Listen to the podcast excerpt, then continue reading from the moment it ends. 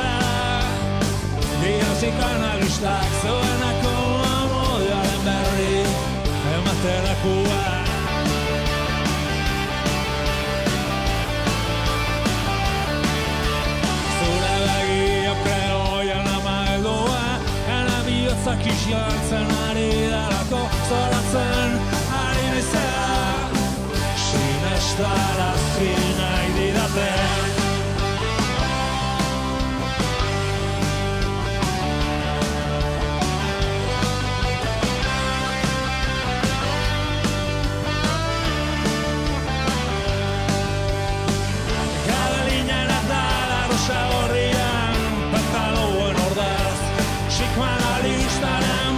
batoi zuriaren Zurea ez den batoi zuriaren Frantxia sasena ez dudalako Zoratzen ari nezela Ala dia xikoan alistan Zubipeko urkantarien hau zoliaren Padeko zitzen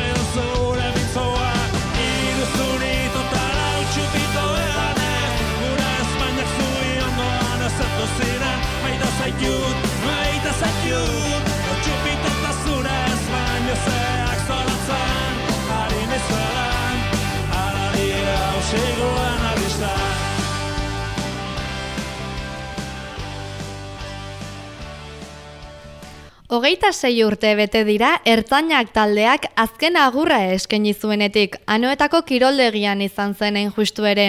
Naiz eta arrazoi ezberdinak medio berriz ere elkartu izan diren noiz edo noiz. Diskografia oparoa utzi zuen taldeak atzean, Euskal Herriko egoera soziopolitikoa islatzen zuten sei disko eta hainbat single alegia. Magina bat urteren ostean, iraiaren amazazpian, Josu Zabalak eta Garik atzera begiratze bat egin zuten kafe antzokian eskainitako kontzertuan. Bertatik datorra lajaina, kaleratu berri duten diskoa, zuzeneko hartan jotako bederatzi kanta eta bideo batek osatzen dute. Benetan sentitu ginen baitatuak, unkituak eta eta bueno, eta hori agian da bizka honen arrazoin nagusia, apur bat eh, oroigarri bat ustea, gaba arena, nun, bueno, ez dakit, niretako aspaldiko emozio uolde ikaragarri sentitu nuen eta uste dute hemen ondoan daukadan lagunak ere bai. Prentxaurrean egindako ekitaldian Josu Zabalak ekin dio diskoaren ondik norakoak azaltzeari. Denboran ezer gutxi atzera egin eta otsaiera garamatza. Garik harriaga antzokian bere azken diskoaren aurkezpena egin behar zuen garaira alajaina. Josu Zabalaren kolaborazio izan zuen ekitaldi hartan bizitako zirrara zela medio, proiektuarekin aurrera jarraitu beharra zeukatela erabaki zuten. Kaleratutako lehenengo diskotik hogeita mabost urte igaro zirela aitzaki hartuta, gareik taldea elkartzearen ideia mai gaineratu zuen. Ura posible izanez eta biak alabiak eman zioten bultzada Euskalduna jaurege, jauregian jadanik hitzartuta zeukaten kontzertuari. Bestalde, giro etxeko jagoa ziurtatzen zuen zuzeneko bat egiteko desioak bultzatuta, kafe antzokia leku aproposa iruditu zitzaien. Bi ordu eta hogei minutu eman zituzten oholtza gainean antzokiko zuzenekoan. Bikotearen eta publikoaren arteko hartu eman itzela sortu zelarik. Horrela, antzokian zen Euskaldunan eskainitako hiru kontzertuak emozioz beteriko gaua azte zen bilakatu ziren, espektatibetatik arago joanik. Eta hori ze izan zen guretzako lehenen lehen froga, hainbeste urte pasata gero kontzertu oso baten e, garatzea bion artean nola sentituko ginen, ez dakit, e, gauza komplikatua da, batez ere niretako komplikatua zan hainbeste denbora holtzatik e, kanpo egon eta gero. Jarraitzaileen babesa ezinbestekoa izan zen une oro bizi berritze prozesuan.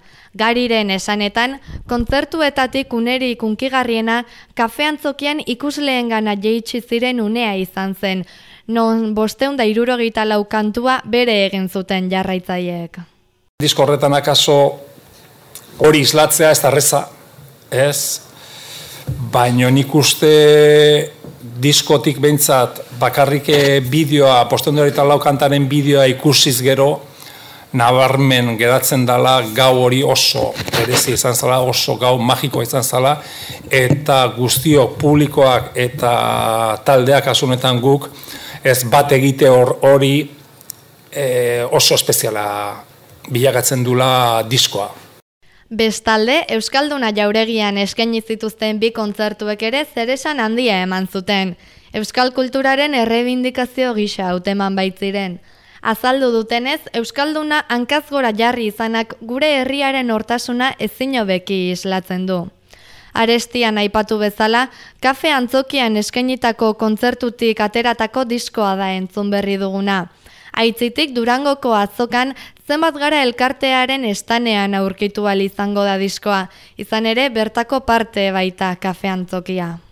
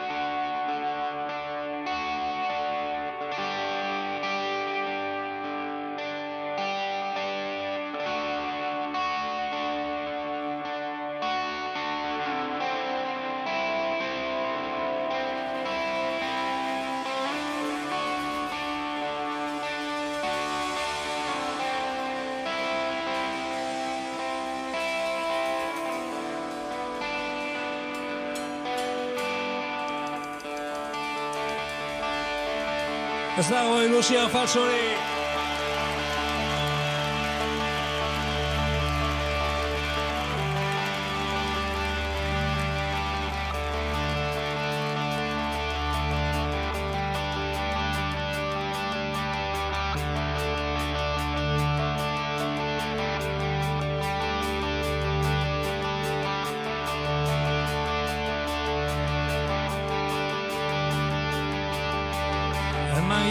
Zu eskua eta huertatu zeneko lekua.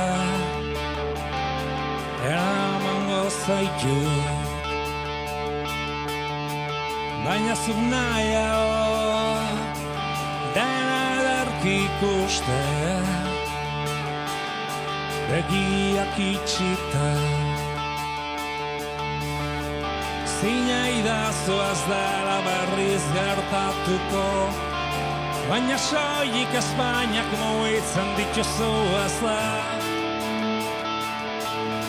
Jutzi ezu esaten lekukoak ez dutela beti. Berdin ikusten